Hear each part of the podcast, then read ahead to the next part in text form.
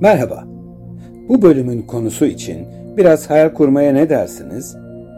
Şimdi hazırsanız rahat bir koltuğa oturun ve arkanıza yaslanıp gözlerinizi kapatın. Ve kendinizin binlerce yıl önce yaşamış bir heykeltıraş sanatçısı olduğunu hayal edin. Durun. Hemen kendinizi Rönesans döneminde yaşamış usta bir heykeltıraş olan Michelangelo sanmayın hemen. Ama neticede taşa hayat veren bir zanaatkar olduğunuzu bilin. Belki yine Michelangelo gibi büyük bir kaya parçasının içinde kurtarılmayı bekleyen bir meleğin sesini duyamayabilirsiniz. Fakat kendinizi de hafife almanızı istemem. Belki de imkan verilse en az Michelangelo kadar iyi bir sanatçı bile olabilirsiniz.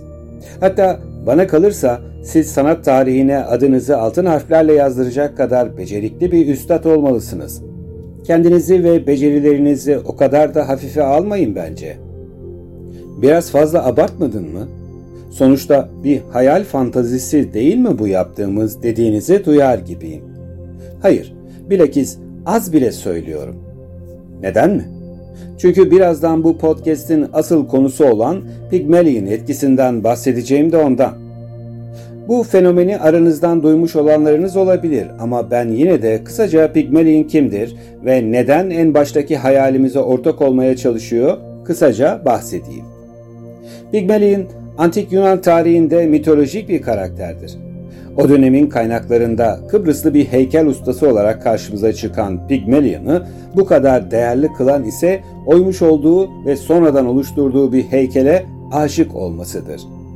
Pygmalion, Galatea ismini verdiği bir heykel yontar ve sonrasında aynı heykele o kadar meftun olur ki Tanrıça Afrodit bu aşkı ve zatı şahanelerinin sürekli yakarışlarını duyup dileğini yerine getirmek zorunda kalır. Yani Galatea'yı insana dönüştürüp birlikte mutlu ve mesut bir şekilde yaşamlarını olanaklı kılar. İşte bu kısacık hikaye Pygmalion etkisinin temelini oluşturur. Bu arada konuyla ilintili bir durum olduğu için kısaca Galatea etkisinden de bahsetmekte fayda görüyorum. Galatea etkisi bir kişinin kendisine olan inancının ve güveninin kendi performansını etkilemesiyle ilgilidir. Galatea etkisi kişinin kendi potansiyelini gerçekleştirmesini teşvik eden bir iç motivasyon kaynağıdır. Evet, bu kısacık bilgiden sonra gönül rahatlığıyla asıl konumuza dönebiliriz. Pygmalion etkisi bir kişinin diğer kişilerin beklentilerini karşılamak için daha yüksek performans gösterme eğilimine sahip olunmasını ifade eder.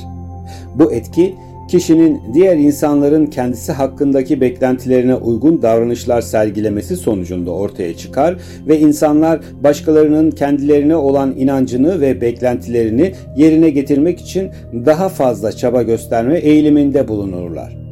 Yani bir nevi etkiye karşı bir tepki değil de tepkiye karşı bir etki söz konusudur diyebiliriz. Pygmalion etkisi başarı, motivasyon, liderlik ve kendine güven gibi alanlarda önemli bir rol oynar. Başkalarının bize olan inancı ve beklentileri performansımızı etkiler. Örneğin bir öğretmenin öğrencilerine yüksek beklentilerle yaklaşması o öğrencilerin daha yüksek bir performans sergileme olasılığını da beraberinde getirir. Bir liderin ekibine güvenip onlara yüksek beklentilerle yaklaşması aynı ekibin motivasyonunu artırarak daha iyi sonuçlar elde etmesini sağlayabilir. Hatta 1960'lı yıllarda Robert Rosenberg ve Lenore Jacobson isimli iki sosyal psikolog bir okulda bu fenomeni test etmeye karar vermişler. Test uygulaması yapılacak bir grup öğrenciden bir kısmının daha yüksek zeka skoruna sahip olduğu eğitmenlerine bildirilir ve verilecek eğitimlerin bu skorlara göre yapılması istenir. Sonuç ne mi olur? Öğretmenlerinin beklentisini karşılamak için daha sıkı çalışan öğrencilerin başarılarında büyük bir artış gerçekleşir ve başta söylenen zeka skorlarına doğru bir yükseliş oluşur. Yani bu öğrenciler sınıfta ve sınavlarda diğerlerine göre daha yüksek bir performans göstermeye başlar. Oldukça ilginç, öyle değil mi? Pygmalion etkisi özellikle iş ve eğitim hayatında liderlerin ve öğretmenlerin öğrencilerine veya çalışanlarına olan inanç ve beklentileri, onların performansını yukarı doğru ve olumlu bir şekilde etkileyebilir. Sonuçta yüksek beklentiler ve olumlu geri bildirimler insanları motive eder ve daha iyi sonuçlar elde etmelerini sağlar. Aynı şekilde düşük beklentiler ve olumsuz geri bildirimler ise insanların motivasyonunu normalden daha fazla etkiler. Pygmalion'un etkisi bu haliyle ilk önce 1913 yılında George Bernard Shaw'un Pygmalion isimli tiyatro oyunuyla karşımıza çıkmıştır. Bu oyunda fakir bir kızın zengin bir erkek tarafından eğitilmesi ve sonunda eğittiği bu kıza aşık olan bir adam anlatılır. Yine bu konu hem dünya sinemasında hem de Yeşilçam'da çok sık kullanılan bir hikaye örüntüsüne sahiptir. Pygmalion etkisi insanların inanç ve beklentilerinin bir kişinin performansını ve davranışını etkileyebileceğini gösteren önemli bir kavramdır. Bu etki başarı, motivasyon, liderlik ve kendine güven gibi alanlarda kullanılarak insanların potansiyellerini ortaya çıkarmalarına yardımcı olur. Beşeri ilişkilerde ve profesyonel yaşamda Pygmalion etkisini anlamak ve kullanmak daha pozitif ve başarılı bir ortam yaratmamıza yardımcı olacaktır. İnanç, güven ve yüksek beklentiler insanların potansiyellerini tanımlayan büyülü anahtarlardır.